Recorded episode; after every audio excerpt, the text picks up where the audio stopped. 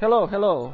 Ekipa podcasta Mijenjam ciglu za ovcu je nazad u sezoni 2. Sa vama su ponovno Ana, Hello.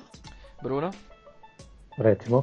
Daniel Mi smo nazad. i uhu. Slaven. Hello, ja sam taj. Sezonu 2 počinjemo sa nekakvim određenim temama koje su više onako ah, povezane sa 2018. A, Krenut ćemo naravno sa top igrama iz 2018. odmah u glavu. Nije nas briga zašto nas nije bilo, bitno da smo nazad. Uhu! I sada Top igre 2018. Naravno da smo Daniel i ja to već pokrili u njegovom super cool mega YouTube kanalu. Ona, totalno. To- tako je. Ali nismo čuli naše sudionike ovdje, Anu i Brunu. Pa bih molio da malo Vodi se. vas pljujemo o vašem lošem izboru igara. Stvarno. šalim se, šalim se. Naravno da mi volimo sve igre, a i da cijenimo vaš izbor. Pa bih molio ako možeš Ana Laži i neistine. podijeliti sa nama makar dvije svoje igre, top igre iz 2018. Izašle u 2018. ili odigrane u 2018. Izaberite si po svom izboru. To je vrlo dobro pitanje. Nije problem da izaberete i neke koje ste najviše igrali, koje su vas jednostavno najviše zadovoljile u 2018. ili su čak i izašle u 2018. Daniel i ja kada smo radili našu listu mi smo napravili da su to najbolje igre koje su izašle 2018. ali zašto bi to tako bilo? Ali to bi sad bilo drugčije da ponovo radimo. Nećemo Već. pričati o tome, tek su prošli Već. koliko nešto malo, ne, š, š. Zato je sam odigrao Underwater Cities. A, Znam, znam, ali dobro. Evo, Ana, molim te, ako Ajmo. bi mogla, podijeli sa nama. Meni je Gugong sad negdje na vrhu. Dobro. Gugong imam Underwater Cities i ovaj eh, Fairy Tale. Dobro, dobro, očekivano što se tiče Gugonga, to je onako hit manje više svima s kojima sam igrao. Po, onako, drugčija igra i jako je, jako je lijepo napravljena. E, Za one koji ne znaju, Gugong je igra u kojoj se vi igrate trgovaca u staroj Kini, u biti ne trgovaca koliko toga da vi podmećujete službenike. Politika i mito. Manje više je card game? Euro card game, jel da Daniele? Tak nešto? Sa Card to- placement. Euro, Eurocard Games tokenima. I- tako je. Card placement. Pa nešto Set tako. collection, ma svega ima, e, divna, divna igra. Jako Bravo. dobre mehanike, da. Da, da, e, divan izbor, Ana. Imaš još neku posebnu koju bi mogla reći? Pa znam da sam bila napravila popis i da sam bila ljubomorna što ste vi o tom pričali u svom jel, videu. Mhm. Ja sam imala popis i sad ga nisam stigla naći. Oh, Ali- those. Onda Dobro. ostaješ pri Gugongu samo, a? I Kako naravno samo Fairy Taileu. Gungu? Rekla sam Fairy Tail i rekla Ja, sam dobro. Underwater Cities. A ne, ja sam mislio da su to kao primjer igara, da ti je Gugong najbolji. Aha, znači i Pa, Underwater Gugong Cities je je tako najbolji. visoko. O, Underwater Cities mi se svidio Groove System što su oni izašli prije skoro sad već godinu dana, ma pa nema veze. recimo. Oni su mali Kickstarter koji nije baš bio jako Hajpan. rasprostranjen, ali eto to mi je jedna od dražih igara od I prošle naravno Fairy godine. Tail. Da. Divno. Meni je Fairy Tail divna igra, to je... A Monster Slaughter. Neću, neću i neću. Neke igre ne. Ali dobro, E, okej. e, e. e, Svakom njegovom. vrlo, vrlo zanimljiv izbor Ali, u kojem e, je čekaj, imaš i čekaj, teške imam i još lagane jednu igre. za, imam još jednu za Imaš ovaj. jednu. I Još jednu. ova a, što smo nastavili Legacy igra Rise of Queensdale, ona me baš lijepo iznenadila. Onak ima par gimika i baš, baš, baš je fora. Ljubomoran sam.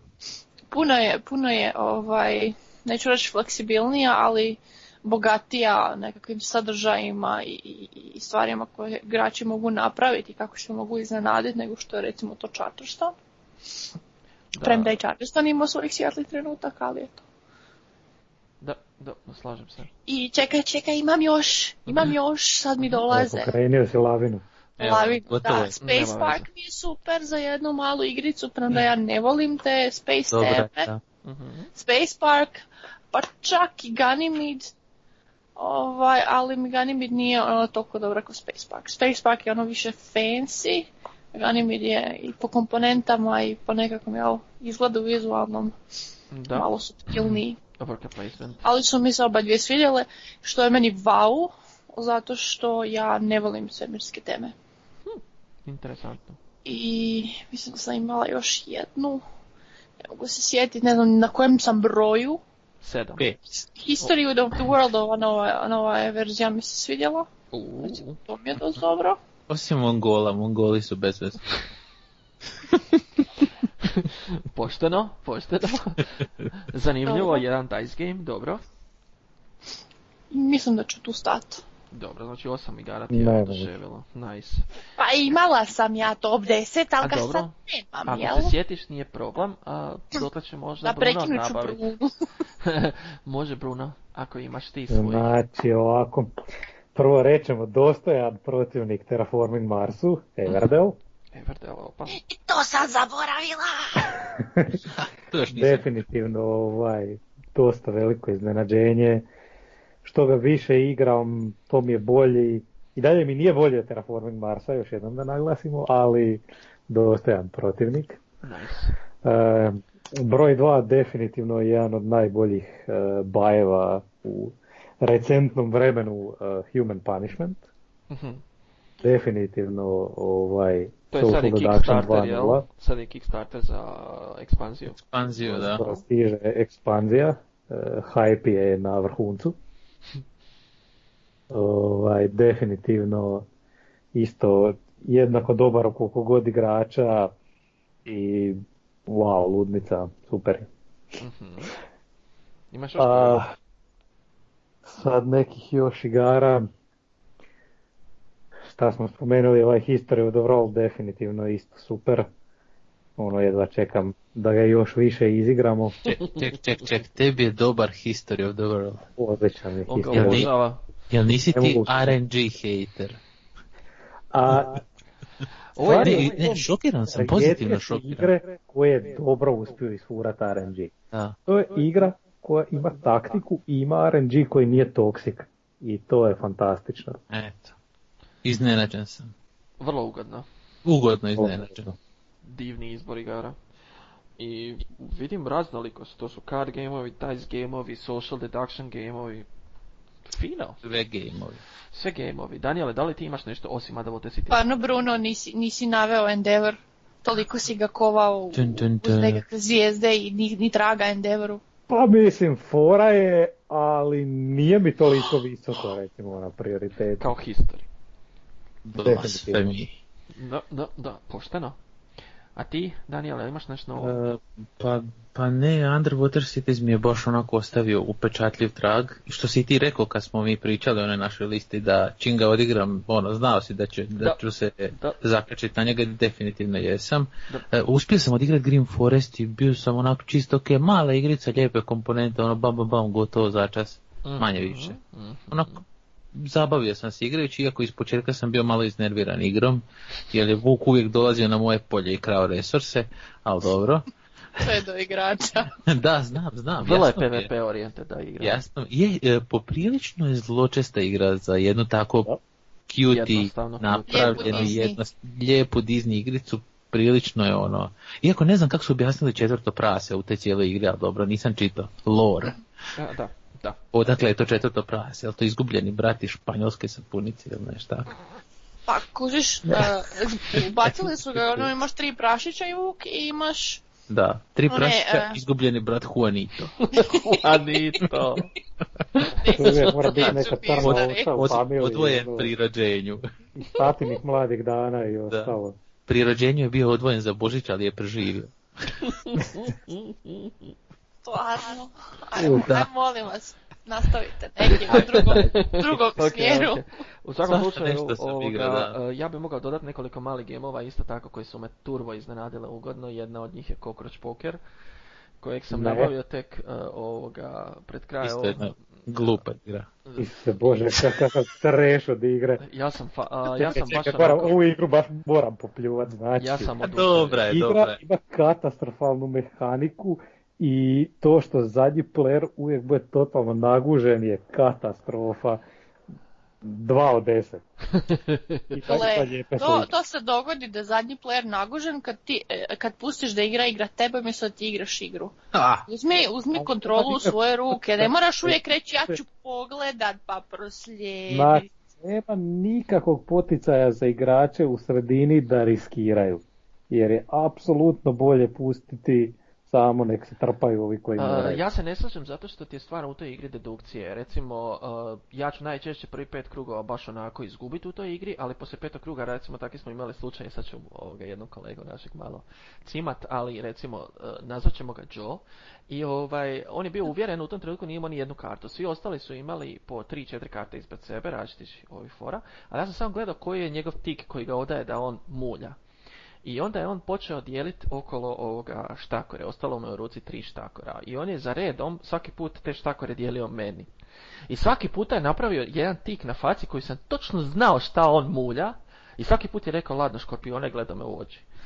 I svaki put je vratio sebi nazad toga štakora. Tako da, e, ta igra ti nije igra taktike i nadmudrivanja što se tiče, znači gdje bi i kako proslijedio. Ne, ne, ne, ne. To je čista igra pokera. Čista igra od toga koliko Ja ti tu ne možeš vidim tikove nikakvog pročitati ljudi. Action samo toksični RNG. Mm, Da, zato što ti to totalno uh, igra u svojem imenu ima kokroč, poker. Znači, poker.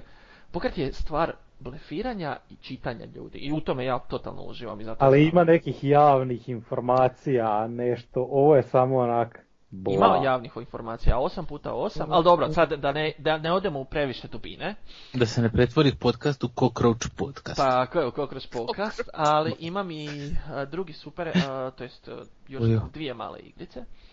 A, druga mala igra koja me baš onaki super ugodno iznenadila, a, mislim da je, da, evo i jučer smo je odigrali, Pocket Mars. a, predivna mala igra, a, traje jedva 30 minuta, može do četiri igrača igrat. I baš sam se šalio ovoga sa Brunom i Anom i rekao sam tu igru bi trebalo onako igrat prije Terraforming Marsa, kako kolonisti dolaze, a onda Terraforming Mars. Znači igra je... Prequel. Da, igra je super. Znači, Tinky je, card play je i traje do 20 minuta, 25 minuta maks. Divna je.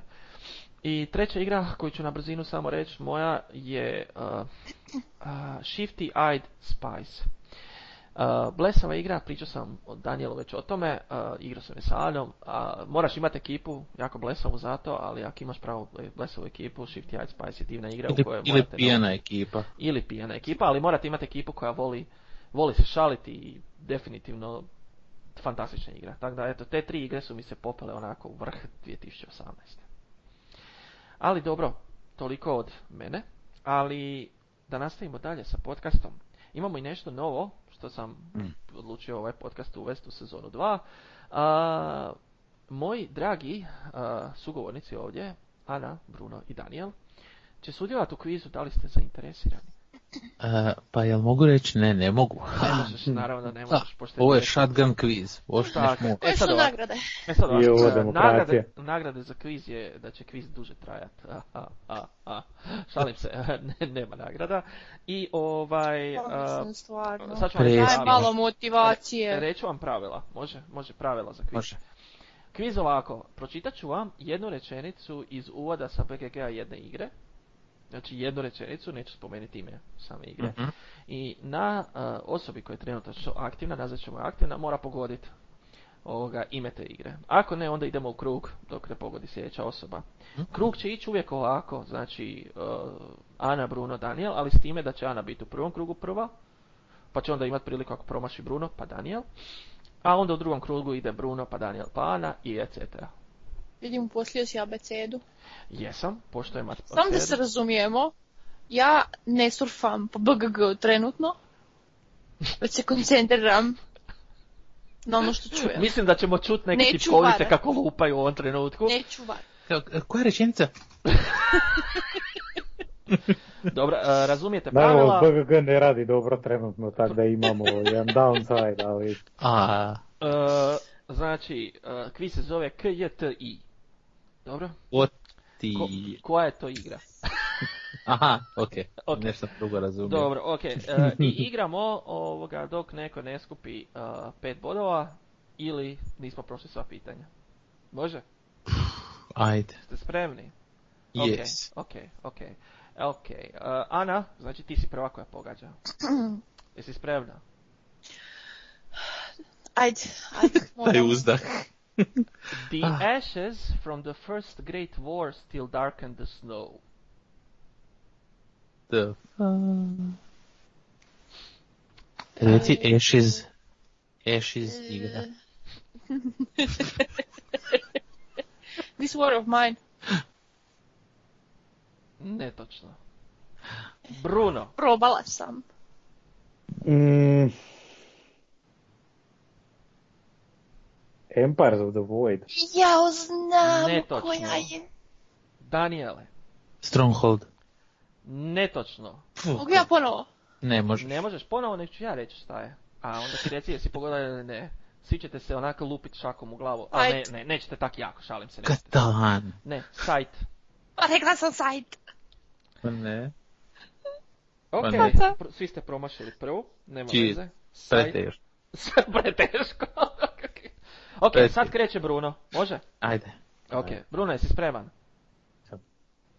O Ok. bože, sve jedno. These are treacherous times, and rival architects will stop at nothing to slow your progress. Ah. Easy peasy. Architects of the West Kingdom, ili kako se već zove. Bravo, Bruno! Odalo se u prvoj rečenici. Osim ono, Too easy. Da. Minus jedan za hosta. Koliko bodova da on sad dobije? Jedan. Ja isto zapisujem u slučaju da ti hoćeš varati. Dobro, može Daniele, sad si ti prvi na treće. Ajde sad, opali me s nečim pametnim. Dobro, može. Može. Spreman sam. Needless to say, each time you arrive in Kansas City, you want to have your most valuable cattle in tow. To je jedna igra u kojoj ja nisam jako dobar pače, abnormalno sam loš. A zove se Great Western Trail. Wow, bravo. A morat ću, morat ću konstatirati kako je zanimljivo da si poredao igre na taj način da ja koja nikad nisam igrala sajt, jel? I njihove igre koje oni znaju i koje su odigrali. Dobro, Ali, ali nije niko znao sajt. Može Ana, Dobra ti je. si opet prva na redu. Evo, ja sam jesam na sad do- piku, jesam dobio bod. osjećam se napadnutom. Je. Ana, Može. jesi spremna za dalje? E, Ne. ajde, ajde. In the game, colonists are sent out to- from Rome to settle down in cities that produce bricks, food, tools, wine, and Lombardija. cloth. Oh, Kužeš ti to. odmah. Ono, ne pitam. I ona bi znala da sam samo a, stala razmisliti. Bruno, jesi spreman?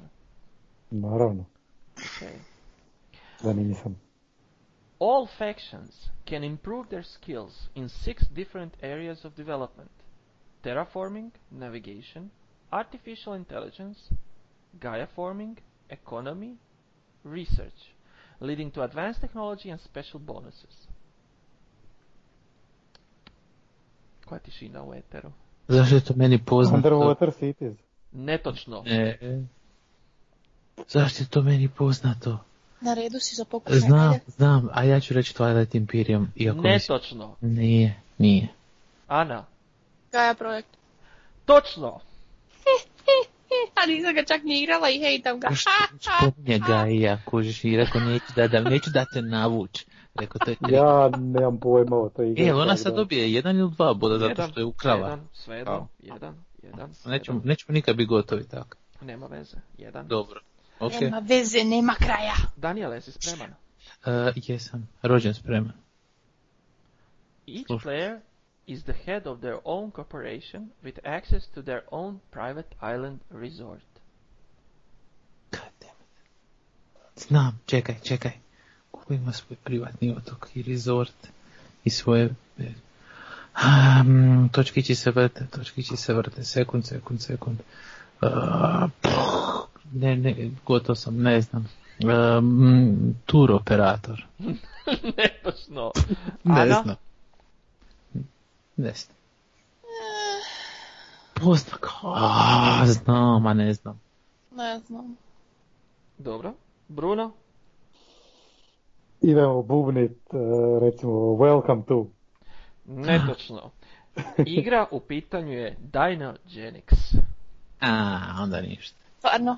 Ja, to je izvuko sad. Pa ja Sad- nešto novije što nismo ni vidjeli, a kamo ni Ajde, igrali. ajde nešto iz 2018. Može, a, jeste spremni? Ana, ti si prva Pa na novo. Ana je sada. Tako je, Ana je na redu. Može, Ana? Aj, aj. E, Aj, Eight brave investigators stand ready to confront four scenarios of fear and mystery, collecting weapons, tools, and information, solving complex puzzles, and fighting monsters, insanity, and death. E sad, znam da je Cthulhu, Jedan od, a jel Arkham Horror? jedan od Fantasy Pa I Flightovih je igara. ona, ona druga? E, ne znam ni kak se zove ona druga. Eldritch Horror. Netočno. Bruno, Dresden Files. netočno. Daniele, Čekaj, jedna od tih Cthulhu sam da se sjetim kak se zove. Jedna od Fantasy Flight, to je Fantasy Flightova igra, to mi pol boda ako sam pogodio publishera. a, a nije Eldritch Horror, nije Dresden Files, nego je, kako se zove onaj, ne znam, ja ću, ajde, ja ću, ja ću reći, ja ću reći, ne pogriješio si, jel da? ne nisam. A, Smijem se e, tebi. a, ja ću reći da je Arkham Horror originalni prvi. Netočno. Mansions of Of Madness. Maze. Ah, Ok, Bruno, jesi spreman za novo? Ha, Očito ne, ali ajde. Bring Ok. it. Može, Bruno. One captain will rise above the others, surpassing mortality by becoming legend. Majko Mila, šta smo igrali sa kapetanima?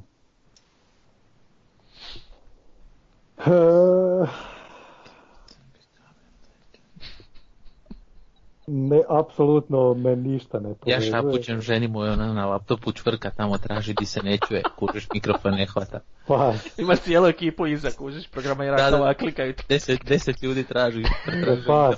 Ok, Daniele, da Daniele, čujemo. da čujemo A, tebe. E, ja ću reći ja ću reći da je to ona igra di voziš onaj brod i oni pingvini, a zove se, e, kako se zove igra, di onaj neki, kap- neka japanska igra, kapetani, pingvini, vi ju imate, pričali Pleasant ste mi Journey to ovdje. neko. E to, Pleasant Journey to neko. Netočno. Ana? Katen, E sad, kak ne, pa jel kak- Endeavor ili je Armada? Uuu, Reći ću Endeavor. Netočno. ha, armada. je. Zaja Legends of a Drift System. E, Zezaš da je to zaja. Da, da. Dobro, da. evo sad me malo sram. Baš sam danas Šta bi pričao, si- baš sam danas radio review i pričao kako mi je to jedna od Ja nemam najdražih pojma šta je igara. to, tako da meni nije sram. O, ne bi ti se Ana, svidjelo. jesi spremna? Hit me.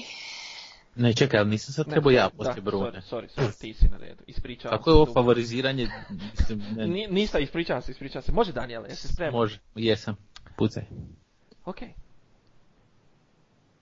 There's competition over those tasks, and often the first worker to get the job has an advantage over subsequent workers.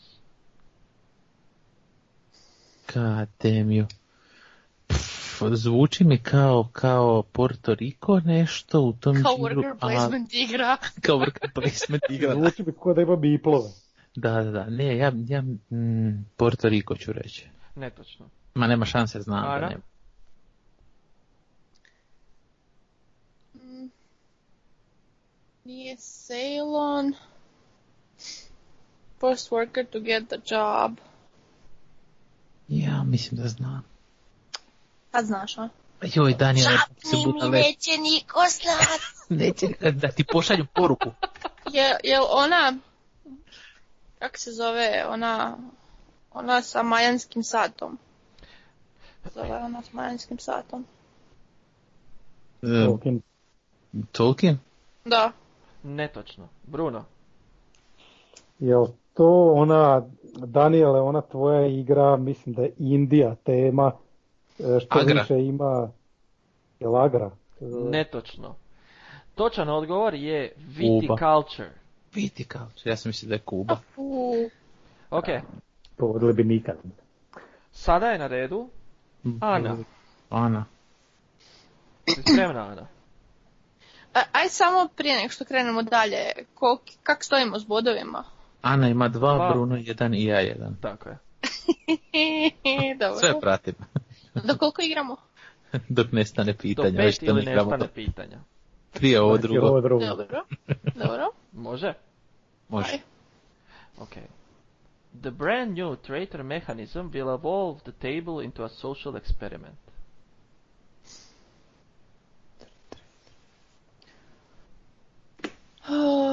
Shadows over Camelot. Netočno.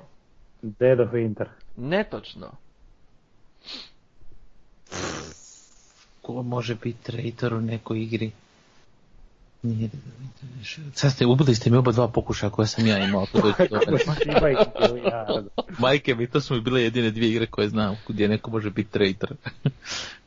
Evo, na dio što... Jao, fucking Šuti. znam. Ajde, šapni mi, neće niko znat. E, e, igra sa izdajicom izda... E, e, e, e, Battlestar Galactica. Netočno. Odgovor je human punishment. Evo, Fan. Bruno, to si treba ti znati. Ti si navodno hajpa na tu igru. Nema veze. Ti čito ta pravila. Ti a? si čito pravila igre. Nema veze, Traitor se ne spominje nigdje. Možda u ekspanziji sad. Meni je ono bitno što je na BGG-u. E sad ovako, idemo dalje. Bruno, ti si prvi. Jej. Ok. Evo ovako.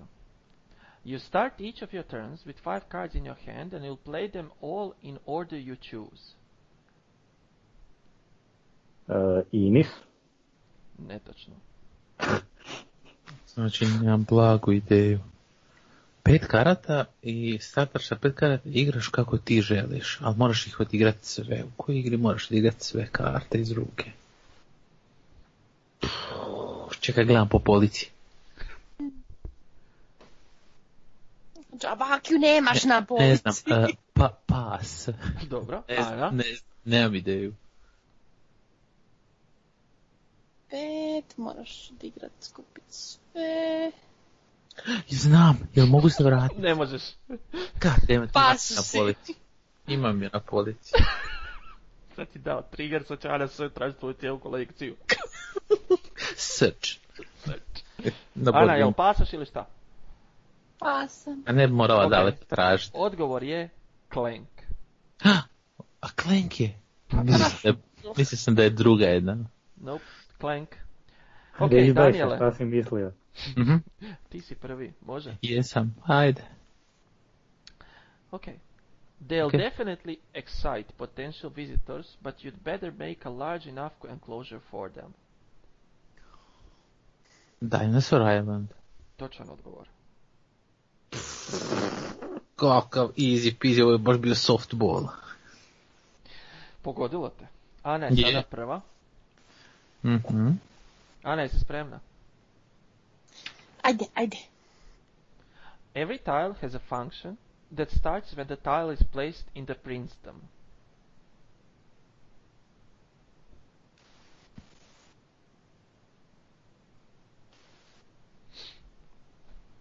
The what now? Say what? A, bubnut ću. Onaj feudum ili kako se zove. Netočno. Bruno. Castle za Burgundy. Točan! Uuu, Bruno. Bruno for the steal. Ok, Bruno, jesi spreman? Ajde. Sad je red na tebi. Sad ste svi na dva, sam da znate. Yes. Ok, Bruno. Ide ovako. The king, awestruck by the interior beauty of the Alhambra, immediately ordered that his own palace in Portugal be decorated with similar wall tiles. E, Azul. Točno, Pff, ovo je bio isto softball. Daniele. Da, Ok, slušam. Pucaj. ovo je zadnje pitanje. Uuu, ma marš! kako to ide Ana? A možda ja ne budem znao pa ti pogoditi. Znači cijelu partiju vodim i onda izgubim, zato što oni dobiju jagana pitanja. Nje, nje, nje, nje, nje. Ali nema nagrade, tako da ti je sve jedno. Ok, jesi spreman, Daniele? Jesam. Da, Onda ima se- samo kazne, sramota. Dan- Ana, samo malo. uh, On your turn, you move a worker around the modular board, always choosing one of two areas of the location tile will land on. One offering you an action and a worker upgrade, the other providing you with a powerful bonus, but without an upgrade. Koliko rečenica ćeš njemu izdiktirat? Jedno On jedino. ti želiš da on pobjedi. E, ja dalje ne znam koja igra, čekaj. Modularna ploča. Dođeš i onda upgradiraš radnika ili dobiješ bonus. Kate. Nemam blage veze, a Aquasphere. Netočno. Ana, Teotihuacan. točno. E, nisam to igrao. E, Pff.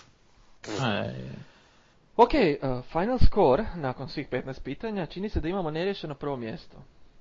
Tri boda Ana, tri Čini boda se. Bruno i Daniel dva boda. Nećemo igrati danas više, ali za sljedeći puta možemo nastaviti. Za sada ćemo pisati 3-3-2. ali neku drugu igru, ne možemo uvijek istu. Svaki put će biti druga. Da, da, da. Ali za trenutačno bodovanje je 3-3-2. E, pa niste bili tako loši, iznenadilo me, Daniel nije znao Ziju, Ana nije znala Clan, e, k- k- ovaj, Castles of Burgundy, a Bruno nije znao Human Punishment. Da. A to nam kao najdraže igre, ne, kao. Kako Šta da zaja, niste uspjeli nikad čuo. ne znam, ko znači Onaj da ću slajd. To dati? je Ajde, igram, evo. igre ne čitam Razmišljam. reviewove po Iskreno, nekim da. C stranicama. Prvu Al- al to je rečenicu, u- C stranicama. To je iz rulebooka. ali ja to preskočim, ja odmah idem na pravila, ne zanima me fluff. e pa to, znači ovo je doslovno bio fluff O, tweet. to. Ovo je za true fanove, ne znaš ksiju. Da. Da, vidimo. nema kupa. Human punishment. Na kojoj je to stranici? Ajde da čujem. Evo ga, izvadio igru, sad. Gotovo, gotovo je, sa- sad je gotovo. Sad ćete, sad ćete, a kad ona ti imaš neka beta pravila verziju, aj, Aj, jo, sad će izvući, sve će izvući. Ali dobro, uh, kviz, hvala vam na sudjelovanju, ali moramo nastaviti dalje. Jer nikad ne Ajmo. prestajemo, show must go on. Tog Sljedeća tema, nema. a, slje- sljedeća je tema koja je ovdje jako bitna nama, je naravno kako nam je proletio brzo i već je sad jako daleko, jesen 2018. I htio bih komentirati sa vama igre koje su bile super hype na jesenu. E, među njima e, ima puno igara koje smo mi kupili i kako sad mislimo o njima i kako je to provelo se. Jer dovelo je do toga da u većini slučajeva te koje su najhype zaista budu rasprodane, ali ne moraju biti nužno baš tako dobre kako svi misle. Pa htio bih čuti vaše malo mišljenje o tome. Pod, e, evo recimo, ja ću gledat, e, to je se, znači, Hotnessu, poredao sam listu sa 2018. I šta mislite koja je igra bila broj 1 na jesenu? gugong. E. Everdom. Teotihuacan. Točno, Ana je pogodila. Znači bio je rasprodan prvi dan. Da, e, Bruno, ti si igrao. Sjećam se još tog nije jesam. reda igrao. na Jesam. NSKN u butu. E, ja e, ne mislim da je igra baš toliko zaslužila hajpa. Dobra mi je, daleko od toga. Dapače, jako je dobra, ali da je hype toliki zaslužila, nekako baš i ne mislim. To je, rad, to je radio isti tip koji je radio Colkin, jel da? Yes, yes. Vjerojatno zato onda ono malo, ja mislim Colkin je stvarno ono dobra igra, interesantna, Ova je jednako. strateški, Pa je Jednaka, valjda je, zbog toga. jednaka, je, jednaka je što se toga tiče, samo eto kažem malo ima drugčije mehanike, ali opet dođe ti na istu stvar, Ah. opet workeri se jednako aktiviraju i tako dalje, ali ne znam, nije to baš igra koju bi rekao "Ah, moram imati. znam. Jedna od igara koja je isto bila rasprodana je Monster Slaughter. A dobro, to polako. Trenutačno mi nije Da. na hype listi ni blizu. Ali, Razumiješ, ali je bila rasprodana, imali su i stvarno jako puno kopija. I bila je prilično skupa. evo recimo, to je igra koja nije bila hajpana, bila je rasprodana. To je zanimljivo. Da, da. A imali su jednu puno bolju igru na štandu. Da, da li možete Onu, pogoditi? pa- onu kad- koju ti imaš. A to znam. E sad, a, ajmo vidjeti sad e, drugu igru, znači jeste, e, ko- koju bi pre- preporučili, koju mislite da je bila druga najhot? Ja ću opet E, reći da. Gugong. E, Samo malo. Coimbra. Netočno, netočno, netočno. Architects of the West Kingdom. To je Stvarno. bilo, to je Da. bilo tamo. Da, to je, pa bila je na hotness listi. Ja A. ne znam da li se mogla kupit per se, ali je bila na hotness listi broj 2. A, za Mhm. moj pojam, mm, jako sam baš ono nezadovoljan sa Mhm. igrom. Nisam ju igrao, ne znam. Ne, ne, e, ja sam igrao. Pa i- dobro Daniele, što- o čem god pričamo, nisam igru ne znam. Otprilike tako. A ja sam igrao neke druge igre. E, puno su Ove mi bolji indie raideri, naslove. raideri, raideri su mi puno bolji, raideri su Ali dominantni. bez svih ekspanzija. Ne, ne, Zato? ko raideri su mi to tamo dovoljni. Hrvoje ima Dosta. i igrao sam i meni su baš bili onak nice. E, treća igra, znači broj 3 na Hotnessu. Što mislite sad, Neku koju nisam ja igrao. Sad bi rekla E, Coimbru. Daniele? Ja čekam da bude Everdom. A Čekaj da mislim, čekaj da se sjetim neku Ti ćeš koju sam nisam. govorit, Everdell. Neka koju nisam igrao, čekaj, čekaj, Gugong čekaj. si igro. Jesam. Točno, Gugong, Gugong. Gugong je treći. Gugong je treći. E, mislim da je opravdao treće mjesto. I zadržao bi ga na trećem mjestu što se tiče ovako hotnessa. Ali da, onak, e, nije ova godina bila puna nekih hyper naslova. Više onako solidnih naslova koji su vrlo, vrlo dobri, dobro napravljeni, ali da su onak neki super hype. Mm. Ali Google je broj 3. Broj 4 ću odmah preskočiti vaše upite zato što je Bruno konačno došao na svoje. Everdell. Jel možete pogoditi koja je bila cijena za Everdella na sajmu? Jer znam da niko od nas to nije kupio. 70. Pa ko da se dijelio besplatno koliko su ljudi stajali u redu. Da, 70 eura. Ana, prestani varat. Kako si znala? Ne varam. Sjedim na kauču sa slušalicama i gledam u našu policu s igrama. Je, točno, 70 eura. Malo mi je to eh, pretty expensive za jednu igru čisto sa kartama, onak skuplje od Terraforming Marsa praktično. E, ali dinđe sa onim bobicama koje su gumene, pa onda oni kamenčići koji imaju težinu i baš su cool. Dobro, ono, ono, ono drveće je malo ne, i smola je okej, ali igra lijepo izgleda. A Sad ono, ono drvo, Ne znam, Moglo malo, se i malo bez mi je to toga. puno. To sad dolazi do ludnice. eh, Sad ću malo digresiju Artwork je napraviti, ali- fantastičan, to moram priznat. Je, slažem A sad se. da li vrijedi 70 eura, to je ono, uvijek upitno i koliko kom Paše. bi bilo puno za izdvojit. e, Naravno, naravno, naravno. Slažem se. recimo u ovoj igri Unfair. Znači ti likovi koji uprave i koji su sad bili lancirali u ekspanziju, a, oni su se lijepo izjasnili da je cijena tolika kolika je, znači za onu igru ekspa- ekspanziju s kartama je pretjerano velika, ali oni su jednostavno htjeli da ona ima vizualni identitet, dosjedan i htjeli su ovaj, e, baš platiti artiste da svi budu zadovoljni i većina bekera, većina ljudi koji su fanovi igre se složila s time da im nije problem platiti ne znam koliko, 5-10 eura više, da to bude onako, ka- onako lijepo kak je bilo i osnovna igra i eto. Oni to rade sa svim svojim igrama, recimo ona Guilds, kako se zove, Guild Masters ili kako li već, što je isto bila na Kickstarteru, isto ima tako jel, vizualni, vizualni identitet koji je prekrasan i ovaj, jako, jako cijene su umjetnike s kojima surađuju i to se vidi u finalnom proizvodu. Dobro, sad ću opet komentirati Terraforming Mars, ali dobro, neću komentirati. Bolje ti je da ne. neću, neću, neću. Jednog dana će i ta i- lijepa igra zlata igra. Ali, E, ali gle, kaj su za Burgundy Čekaj. dobit novu verziju. Suburbia je dobila novu lijepu verziju. Jedino Terraforming Mars ostaje onakav kakav je. Zato što dobro izgleda, nego i neću reći šta. ne znamo, ne znamo. Dobro, ok, e, idemo dalje, idemo dalje, ljudi.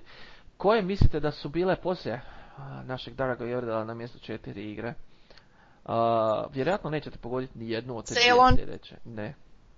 Ne? Aj, pogodite jednu od dvije. Majolica. Ne. Daniele, počeo si duboko. Da, pa nešto što nisam... Deep Dark Web. da. A ti, Bruno? Dixit 20 anniversary. Netočno. Znači, dvije sljedeće igre su izuzetno postale popularne takav tip igara i Daniel Dapače čak neke ima. Neke Battle Roland Royale. Rights. E, A, ne, Unlock. Ne. Detective, a Modern Crime Board Game i Chronicles of Crime. Mhm. No, da smo totalno prozujali bili tamo. Da. E, e, mislim da je Zato što Daniel, nas ne zanimaju baš takve stvari. ali Imamo Daniel ima opet- obje, jel? Obje, ali nisam igrao detektiva još to od portala, ali to ti me je strašno Chronicles of pročitati Crime rule. divan, jel? Chronicles of Crime je super zabavna, ja i žena to smo igrali i super smo riješili slučaj, bili smo baš ono cool policajci. Pošteno. Pošteno, to je, to, to je To je dobro, ali hoću reći, znači, em, većina ljudi kod nas to baš i nije puno reagirala na te igre, ali Pa znam da ti Pa, mislim, voliš zbog i... tog što je aplikacija ovo ono, jel, Mm, moraš dobar igrati s dio. aplikacijom pa ljudi se malo, ja sam nekak iz početka isto to mrzio, ali sam pri, pri, pri, prigrlio sam, prigrlio sam im kao Mislim, čisto da ok. ti daju tablet uz igru, onda ću kupit, nije problem. Evo, znaš, E, Evo. pa daju ti besplatnu aplikaciju, Evo, to ti je to. želim tablet. Dok- Daj mi najnoviji Samsung Galaxy 9 E. Note. Ali dobro, da se ne zadržimo previše na tome, što mislite koja je najviša ekspanzija, znači naj, naj, najviše bila na Hotnessu? Na hype, na a Mystic Veil. A, Armada. Netočno, netočno. Bruno? Mm, Terraforming Mars. od dvije, tri. Čekam, A. čekam, kužiš, Da. čekam, zato što ovo ti- Koloni. Točno. Znači, Colonies je bio vrlo, vrlo visoko, ako se ne varam, to je negdje na 10. 11. mjestu. e, kao naj, naj e, hype e, ekspanzija. Što je vrlo interesantno da Terraform Mars toliko uspješno um, cijelo vrijeme izbacuje ekspanzije i stalno su pri vrhu. A Pa, dvije godišnje izbacak, ako se ne varam, ili tri godišnje. Pa da, čak, Baš. čak šta više u top 15-16 vidim i pre... 2016. igra je izašla, a 2017. su odmah izbacili dvije ekspanzije i još su dvije izbacili eh, Uvijek je izašla 2018. Venera. I sad su izašle dvije zajedno. Hmm. Hm. Malte ne ono.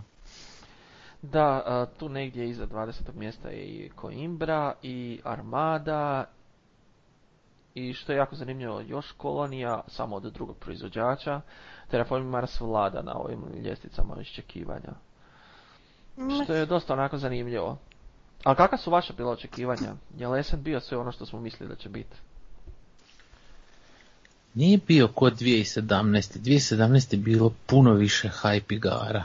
Ali, Da. ali meni osobno. ali Velikih ove, naslova. E, velikih naslova. Ali ove godine sam e, pokupio Već smo dosta igara. zaključili da je ovo bila godina ekspanzija. Ako se Da, dobro to definitivno, da, godina ekspanzija, ali ove godine sam definitivno pokupio par igara od kojih nisam očekivao bog zna šta i ostao sam vrlo ugodno e, iznenađen. Da, slažem se. Ovo jednako su tako dobre kod igre. mene. Jednako tako i kod mene. Da, ono, znaš, igrati djelo interesantno, pa je pokupit ćemo je, vidit ćemo ovo, ono, i daćemo je priliku, jel? I onda zapravo bude onako, ovo je dobro. mm. Da, da, da, E. itekako. Ana, kak je tebi bilo? Ja sam, ja sam najegzotičnije igre tamo gledala, neki su bili hit, neki su bili mis. Neki su bili o- ok, a neki su bili baš, baš Ti si jako praktično mis. sve pikirala korejske, japanske, kineske, tajvanske, Dobro, Imam ih, tajlanske. imam ih još neodigranih na Shelf of Shame za Esena.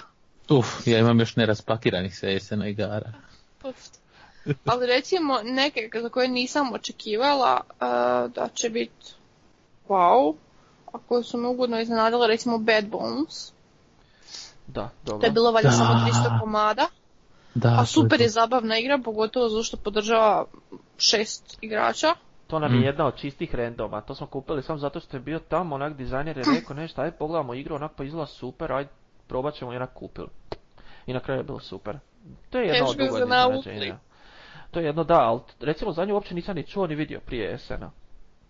Ne znam, to je jako teško, ali jedno je definitivno što smo provukli svi, a to je da potpuno drugčije osjećaš o igri nakon što ju probaš na samom SN-u. Sad smo imali puno više vremena za isprobavati i igrati igre.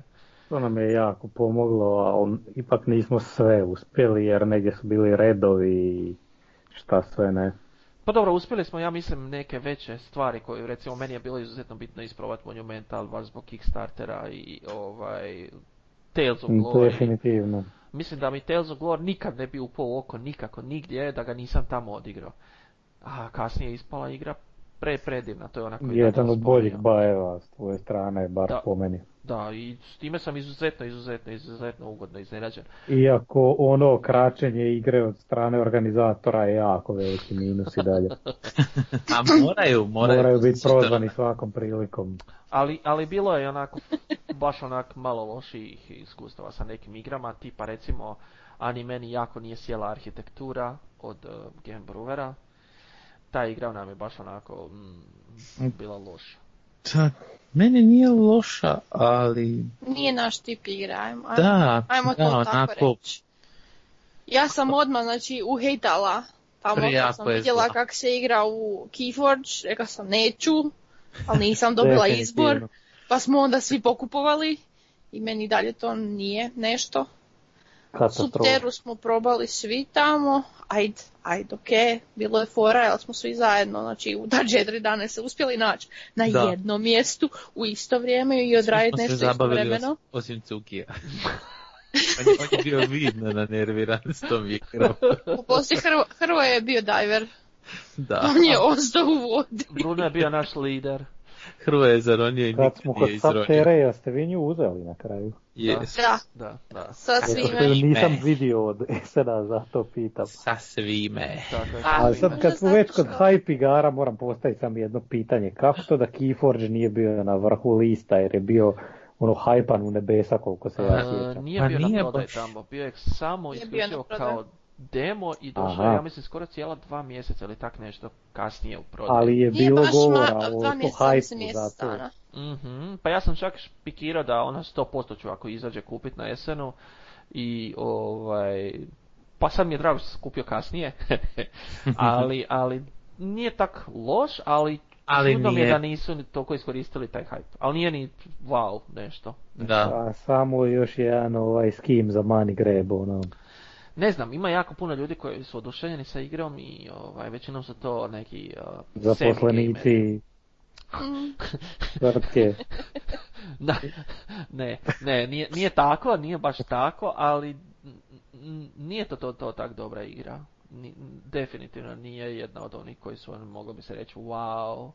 E dobro, jedna, jedna igra koja je e, 50% ljudi je voli ili hejta, recimo Animeni je bila e, Unknown, kak se ona zove? E, Journeys. Discover Lands ono. Dis- Unknown. Discover Lands Unknown, tako je. Hm. Uh, to, to je recimo bila super hype igra um, koja je isto radi, rađena na isti način, ali isto je sjela samo 50% ljudi. Tako da, ja ne znam zašto je Fantasy Flight odlučio praviti te igre u kojima je onak 50% šanse imaš da prodaš nešto dobro i što će Pa čovjek... Gle, probaju. Ne možeš reći da nemaju, Da nemaju nekog ovaj, prodaje. da nemaju muda probat. Da, znam. znam. Isprobavaju nove, nove ideje i to je ok. Ali recimo meni je Best Buy. Što se tiče cijene i igrivosti i nekako je općeg doživljaja mi je definitivno bio Rise of Queens. Da. Znači ja sam došla tamo, ta igra je bila rasprodana, pa su mi rekli da pričekam 10 minuta, kao donijet će za rezervacije još primjeraka, možda bude u tom paketu koja viška. I ništa, ja pričekam. I bila je jedna viška koju sam platila sa popustom od 15 eura. Znači to je Ravensburgerova igra sa kvalitetnim komponentama, a, ogromna je, ima svega unutra i ja sam onak super povoljno platila za toliku kutjetinu i to mi je baš ono, zadovoljna sam. Da, mm, to je kad uloviš nešto tako. Te Znam da stitke. je Bruno bio super zadovoljan kad je ulovio Nemeton, jel da Bruno?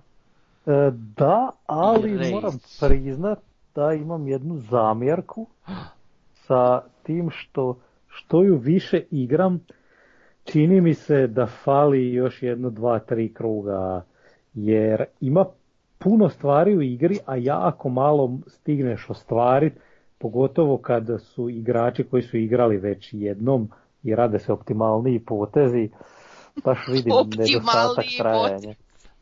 Dobro, potpuno Moram- razumijem kako on moram se razmišlja. smijat zato što su svi tvoji potezi optimalni. A Raids, Bruno i Raids. Čekaj, isto čekaj, šta je uz- to? Raids je definitivno bio veliki plus. E, Mislim, moram priznat da sam kupio jako puno igara koje smo sjeli probat, a Raids je definitivno jedna fan igra, isto ima RNG koji je dobro napravljen, također igra za pohvalu, definitivno Jel da? jako dobra stvar.